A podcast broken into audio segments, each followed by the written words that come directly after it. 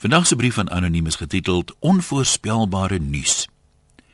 Die nuus het eintlik maar voorspelbaar en vervelig geraak. Elke dag dieselfde. Stakings oral, 'n gewapende roof of 'n plaasmoord, terwyl die godsdienstdebat in die briewe kolomme voortwoed. Al die geleerde here maak godsdienst deesdae so ingewikkeld dat die arme kindertjies kwaliek nog in staat is om te glo. Ek kan aan 'n paar onvoorspelbare, onvervelige dinge dink wat die land sal laat regop sit as jy dit in 'n nuusbulletin moet hoor. Bind jou iets aan soos die volgende. Hier volg die nuus. Stakers in die landbousektor het 'n ooreenkoms met boere bereik dat vaste lone afgeskaf word en met produksiebonusse vervang word. In gevolge die nuwe stelsel sal net werkers wat produksieteikens haal op 'n kommissiebasis vergoed word.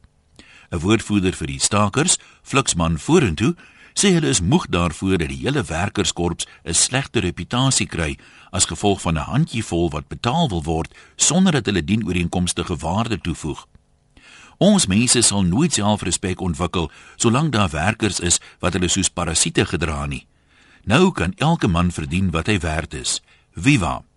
Aldus Fluxman vorentoe. Intussen betoog stakers op vuil vlei teen swak dienslewering.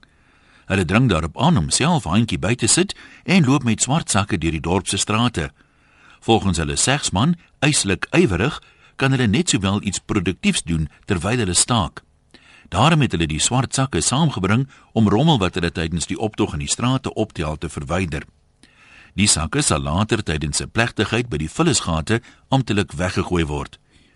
Die minister van toekomstige agtergeblewenes, hy tog nie weer nie, het die munisipale bestuur 24 uur gegee om hulle gatte in rad te kry.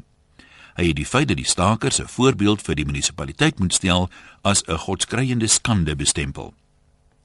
Intussen is daar na behoorlike raadpleging met die gemeenskap besluit dat die munisipaliteite van Abstad 20 en Bloekomsrus nie meer sal saamsmelt soos deur die provinsiale regering voorgestel nie. Die minister van samesmelting, alias Elias, het soos volg gereageer. Die mense het gepraat en ons moet luister. Daar moet onthou word dat politici in diens is van die mense en nie andersom nie. Dit is tog die wese van ware demokrasie, ook in Afrika. En as u laat ingeskakel het, nee, die wêreld het nie weer geëindig terwyl u besig was nie. Hierdie was bloot 'n verbeeldingsvlug van 'n anonieme luisteraar wat soos Martin Luther voel. I have a dream. Skielik dink ek nou terug aan die goeie ou dae in die nuusbulletins wat dikwels geëindig het met 'n berig op 'n ligter trant, die sogenaamde funnies.